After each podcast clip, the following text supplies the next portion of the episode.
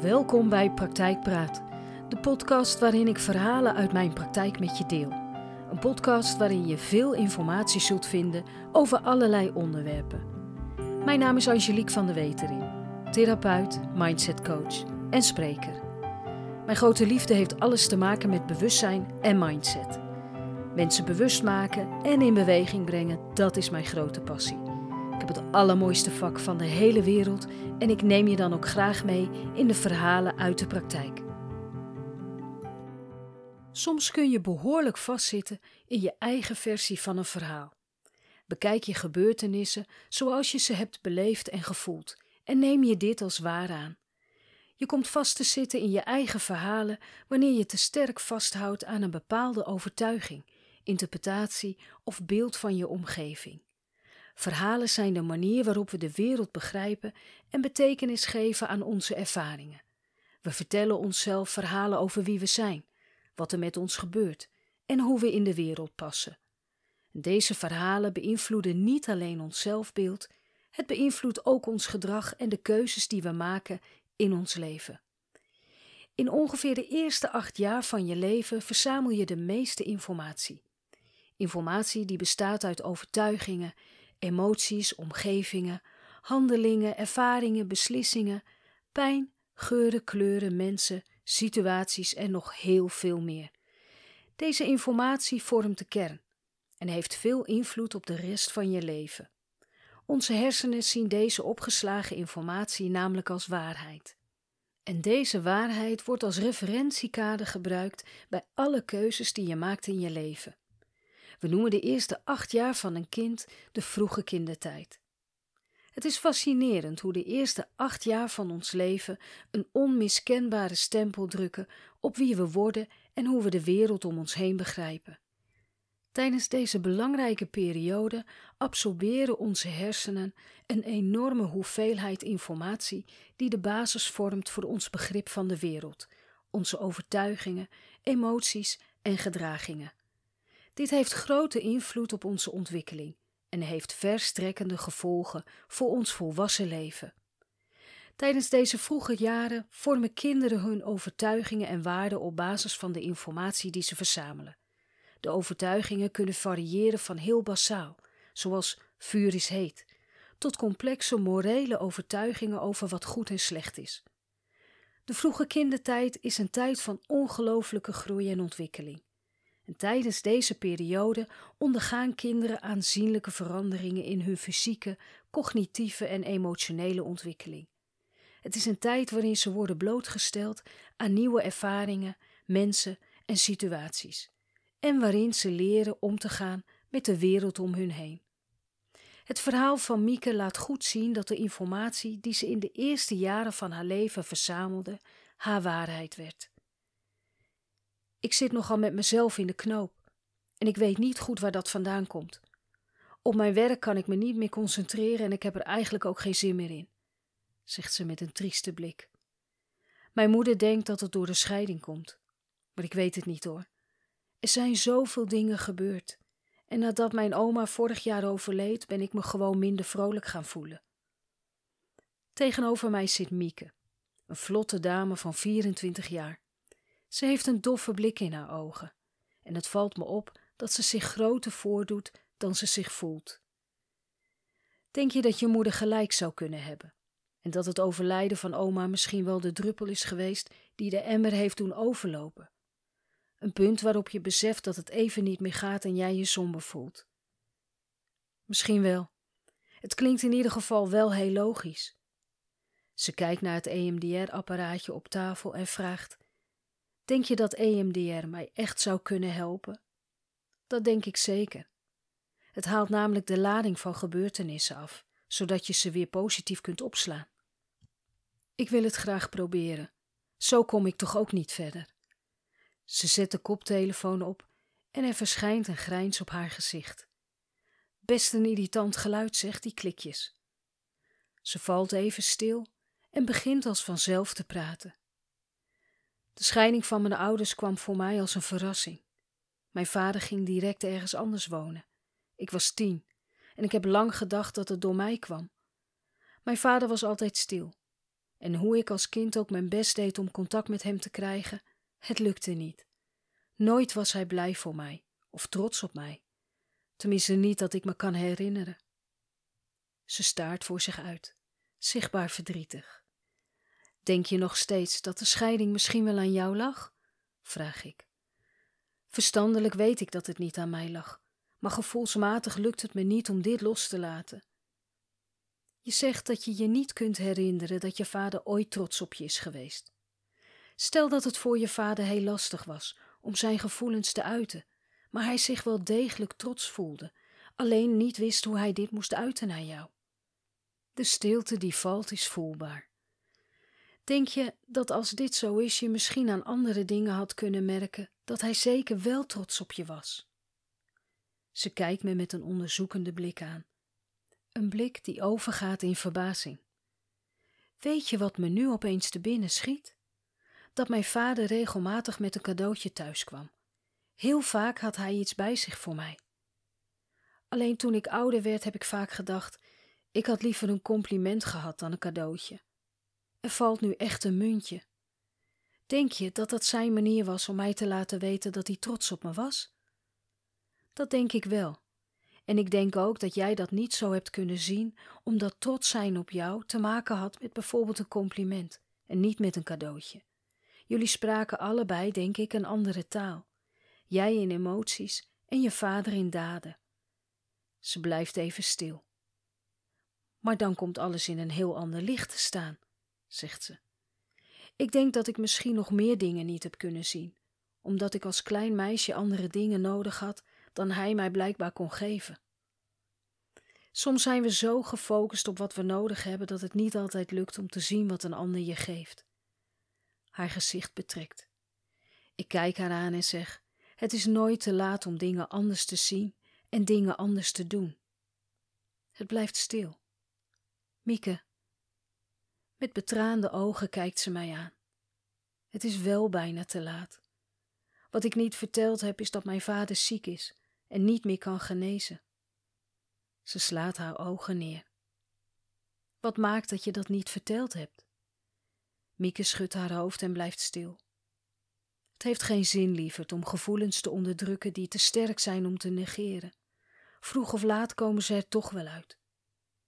Ze kijkt me aan en zegt: Boosheid. Ik wilde mijn vader geen onderdeel laten zijn van de therapie. Ik heb zoveel gemist. Ik had hem nodig en hij was er niet, dus. Ze veegt de tranen uit haar gezicht. Dus wilde jij er nu niet voor hem zijn? Mieke begint hard te huilen. Haar schouders schokken. Ik sta op en ga even naast haar zitten. Huil maar, lieverd. Gooi het er maar uit. Je boosheid, je verdriet en je gemis. Ik blijf zachtjes tegen haar praten en vertel dat niet iedere ouder alles in huis heeft wat een kind nodig heeft en dat dat niet over liefde zegt. Ik vertel haar ook dat dat niet te laat is en dat ze deze laatste fase met haar vader maar één keer kan doen. Je kunt het nooit meer overdoen, lieverd. Denk daar goed over na. Bij deze laatste zin gaat haar hoofd omhoog. Ik heb al een tijdje geen contact met mijn vader. Denk je dat ik. Ik knik. Dat denk ik ja. Neem contact met je vader op zodra je daaraan toe bent, je dingen op een rijtje hebt gezet. Er glijdt een glimlach over haar gezicht. Ze kijkt me aan en zegt: Ik voel me opgelucht, bijna alsof ik toestemming nodig had. Ze doet de koptelefoon af en zegt: Ik voel me heel rustig in mijn hoofd, alsof ik even niet meer kan nadenken. Ik glimlach.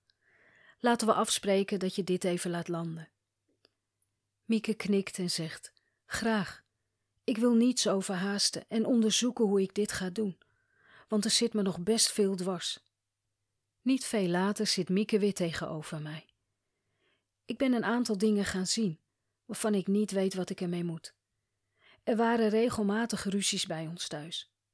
Mijn moeder was vaak boos op mijn vader en mijn vader trok zich dan het liefst terug in de schuur. Ik was daar regelmatig te vinden, samen met hem. Ik mocht dan knutselen met hout. Ze glimlacht. Fijne herinneringen. Mijn vader had dan altijd muziek op staan en zong vaak vrolijk mee. Ik, ik herinner me dat hij steeds stiller werd en steeds vaker weg was. En wanneer hij wel thuis was, waren er ruzies. Tot het moment dat ze gingen scheiden.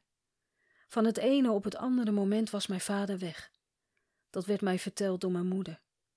Ze vertelde er ook bij dat mijn vader geen belang meer bij ons had. Het eerste jaar na de scheiding heb ik mijn vader maar weinig gezien. Mijn moeder zei steeds dat mijn vader geen tijd had. En toen ik twaalf werd, kreeg mijn vader een vriendin, Ellen. Ze deed veel moeite om het contact tussen mij en mijn vader te herstellen. Mieke haar blik wordt donker. Mijn moeder mocht Ellen niet en zei dat ze mij van haar af wilde pakken. Ze gaf aan dat ik Ellen niet moest vertrouwen. En iedere keer wanneer ik bij mijn vader was, voelde ik mij schuldig tegenover mijn moeder. Alles wat mijn vader en Ellen deden, werd afgewezen door mijn moeder en uiteindelijk ook door mij. Ik voelde me niet gezien, niet gehoord en niet de moeite waard. Ik heb me nooit echt welkom gevoeld. En dat gevoel werd alleen maar sterker toen ze samen nog een kindje kregen. Mieke veegt een traan van haar wang. Heb je de mail nog gelezen die ik je gestuurd heb? Ik knik. Mieke stuurde mij voor de afspraak een mail waarin ze vertelde over de weekenden die ze als jong meisje bij haar vader en Ellen doorbracht. Hoe ze alles afwees wat haar werd aangeboden, inclusief de liefde die haar vader voor haar voelde. Je hebt in je mail een aantal dingen op een rijtje gezet. Wat ben je gaan zien? Ze neemt een slokje water en zegt: Ik ben gaan zien dat er veel dingen anders lagen dan ik ze toen zag. Ik was ervan overtuigd dat ik niet gewenst was. De ruzies thuis vroeger, mijn vader die me niet gaf wat ik nodig had, en mijn moeder die dat met haar eigen emoties en boosheid voedde. En dat laatste roept heel veel boosheid op. Het voelt alsof ze over mijn rug heen mijn vader wilde raken en mij daarvoor gebruikte. Ik herinner mij de geboorte van mijn zusje. Haar ogen krijgen even een warme glans. Toen Lily geboren werd, zei mijn moeder: Nu tel je helemaal niet meer mee.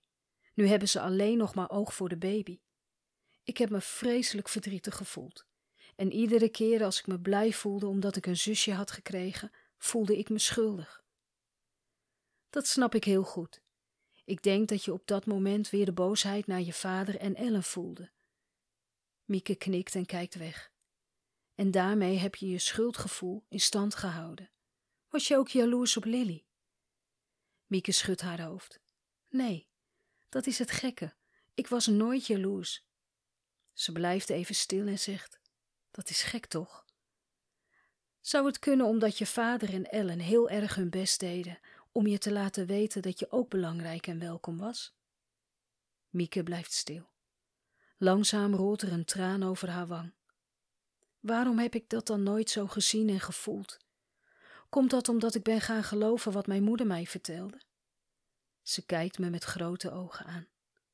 Wat je moeder jou vertelde, had veel te maken met haar eigen verdriet en frustratie. En misschien was ze zelfs bang dat je buitengesloten zou worden. En heeft ze je willen beschermen door te vertellen dat ze alleen maar oog zouden hebben voor de baby. Mieke, je hebt me veel verteld over je moeder. En het beeld dat je daarmee hebt geschetst, is die van een gevoelige en vooral gekwetste vrouw, niet van een naar mens. Ze kijkt me aan en zegt: Dat is ze ook niet. Ik hou van haar, maar het maakt me boos dat ze in haar eigen verdriet geen rekening heeft gehouden met mij. Toch zie ik ook dat ze het allemaal zo voelde. Wij deden er in haar beleving niet meer toe toen mijn vader wegging. En toen hij Ellen ontmoette, was dat natuurlijk een bevestiging van wat ze al dacht. Mieke had echt nagedacht en stond open voor de beleving van haar vader en moeder. Ze stond open voor hun eigen verhaal. Ontzettend knap wanneer je zo jong bent. We zitten allemaal min of meer gevangen in onze eigen overtuigingen, perspectieven, interpretaties van de wereld om ons heen. Maar wanneer het je lukt om ieder verhaal van verschillende kanten te bekijken, dan levert dat meer openheid op. En wanneer je open staat voor het verhaal van de ander, sta je ook open voor andere perspectieven. Er is namelijk niet één goed en één fout. En dat deed Mieke, openstaan. Ze leerde te kijken en te luisteren naar andere verhalen, waaronder die van haar ouders, zonder er gelijk een oordeel over te hebben. Je bent een bijzondere dame, Mieke. Openstaan voor het verhaal van je ouders terwijl je zelf nog zo worstelt met je eigen verhaal. Er glijdt een glimlach over haar gezicht. Juist daarom. Als ik mijn eigen worsteling wil begrijpen, dan zal ik ook die van mijn ouders moeten gaan begrijpen. Mijn verhaal is namelijk gebaseerd op een deel van hun verhaal. En bovendien wil ik mijn eventuele toekomstige kinderen niet opzadelen met het pijnlijke en emotionele deel van mijn verhaal. Ze grijnst en haalt haar schouders op. Ik denk dat het vooral om de les gaat die ik eruit kan halen. Nog te vaak voel ik me niet gewenst, alsof ik ergens niet hoor te zijn. Hoe ga ik daar nou mee om? Eigenlijk wil ik wel van dat gevoel af, maar hoe? Ik kan een glimlach niet onderdrukken en zeg: Je vertelt met deze vraag heel veel. Vroeger heb je je regelmatig niet gewenst gevoeld en je geeft aan je zo regelmatig te voelen.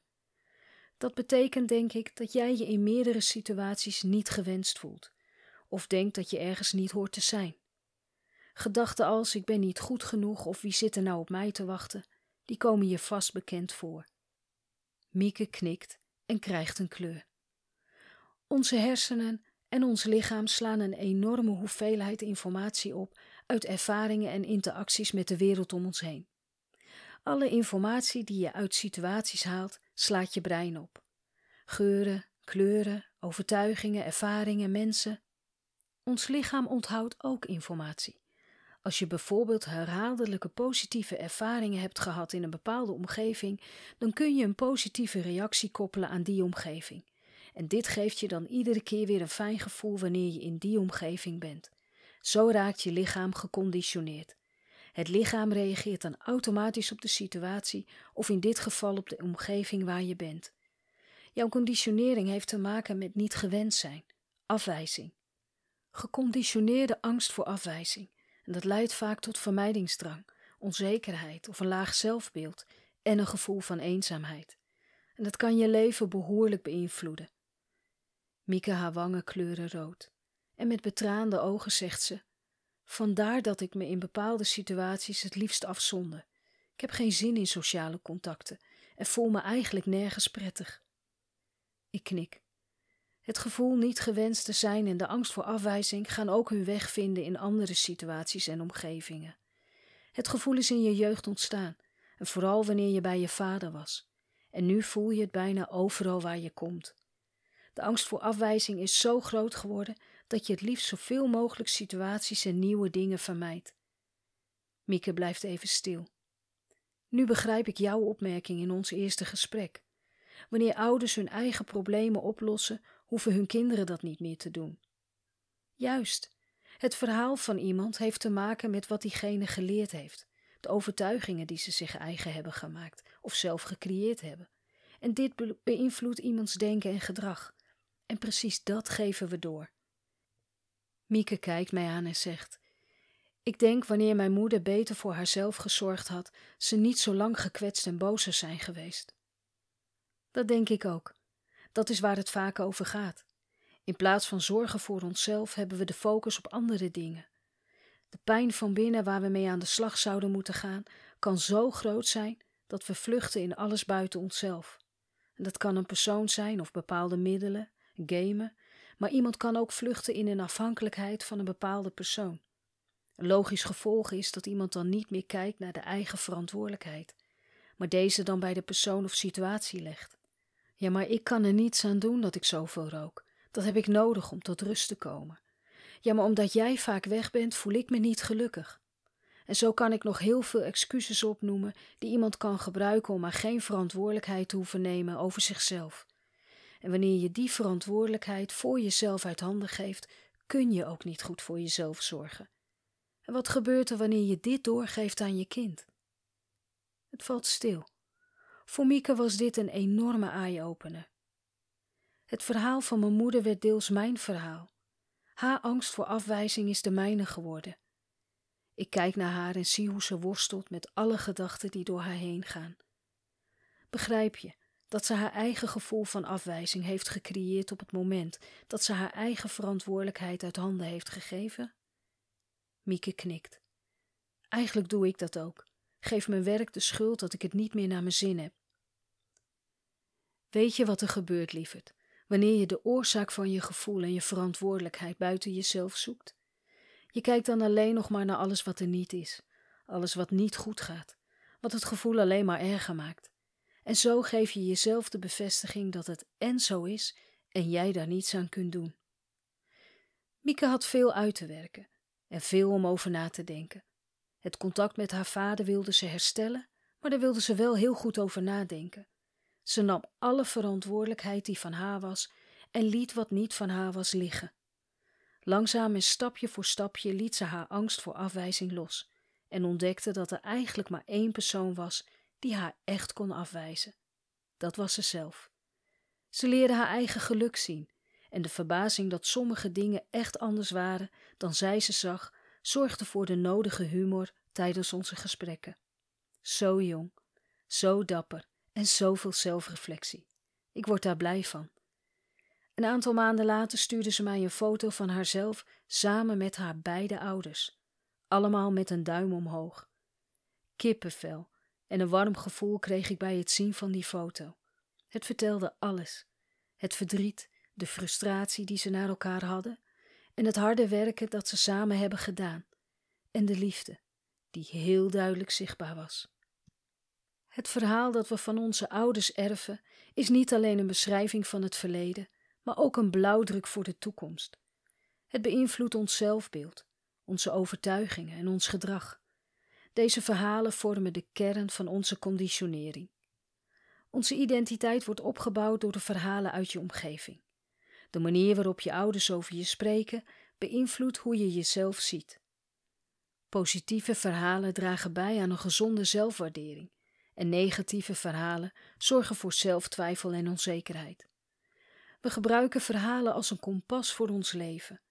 De waarden en overtuigingen die je uit de verhalen van je ouders haalt, bepalen vaak de richting die je in het leven inslaat.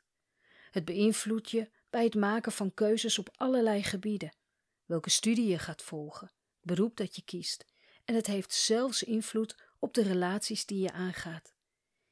In de verhalen van onze ouders ligt ook emotionele lading, zowel positief als negatief. Positieve verhalen geven je een gevoel van veiligheid en verbondenheid, terwijl aan de andere kant negatieve verhalen angst, schuldgevoelens of schaamte kunnen veroorzaken. Denk maar aan bijvoorbeeld zinnen als: Wat zal een ander daar wel niet van vinden? Of hou je maar stil. Deze emotionele programmering heeft veel invloed op ons emotionele welzijn. Het beïnvloedt ons gevoel, gedrag en de manier waarop we denken. Ouders geven niet alleen verhalen door over gebeurtenissen, maar ook over hun eigen overtuigingen en waarden. Deze worden onbewust aan de volgende generatie doorgegeven, wat zich uit in een vorm van conditionering.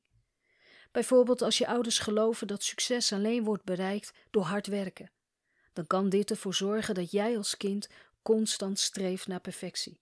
Het is nooit goed genoeg.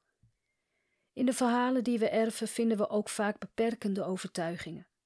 Deze overtuigingen komen uit de ervaringen van je ouders en beïnvloeden je op manieren die je groei en potentieel kunnen belemmeren. Bijvoorbeeld als je ouders een geschiedenis hebben met veel tegenslag, dan kun jij als kind onbewust gaan geloven dat succes en geluk niet voor jou is weggelegd.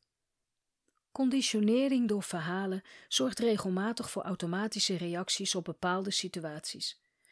Bijvoorbeeld wanneer je als kind herhaaldelijk hoort dat de wereld gevaarlijk is, kan dat een automatische reactie van angst ontwikkelen bij nieuwe situaties. Het verhaal dat je ouders je vertellen over jou en je prestaties geven je zelfbeeld vorm. Als je herhaaldelijk te horen krijgt dat je goed genoeg bent en je er mag zijn, heb je meer kans om een positief zelfbeeld te ontwikkelen. Maar je begrijpt dat negatieve verhalen tegenovergestelde doen. Het effect daarvan kan een laag zelfbeeld zijn en een gevoel er niet te mogen zijn. En dit is precies waarom ik maar blijf herhalen naar ouders. Wanneer je eerst je eigen problemen opruimt, hoeven je kinderen dat niet meer te doen. Gelukkig kun jij je eigen verhaal veranderen. Bedenk en maak een nieuw verhaal die over jou gaat zoals jij dat wilt. Denk zo, praat zo, gedraag je zo en leef zo. Doe alles waarmee jij je eigen verhaal kunt creëren. Leg overtuigingen naast je neer die je niet verder helpen en praat positief tegen jezelf. Want het belangrijkste gesprek dat jij ooit zult voeren in je eigen leven is die met jezelf. Ik ben benieuwd naar jouw eigen gecreëerde verhaal. Dit was Praktijkpraat. Graag tot de volgende keer. Wat fijn dat je weer luisterde naar een aflevering van Praktijkpraat. Dank je wel. Heb je vragen of ben je benieuwd naar een lezing op maat? Mail dit dan naar info apenstaartje En wanneer je denkt dat deze podcast interessant zou kunnen zijn voor iemand die je kent, dan zou het super zijn wanneer je de podcastaflevering doorstuurt. Nog even een vraagje van mij. Vergeet niet te volgen. Dan mis je geen aflevering meer en help je mij om praktijkpraat onder de aandacht te brengen. Nogmaals hartelijk dank voor het luisteren en heel graag tot een volgende keer.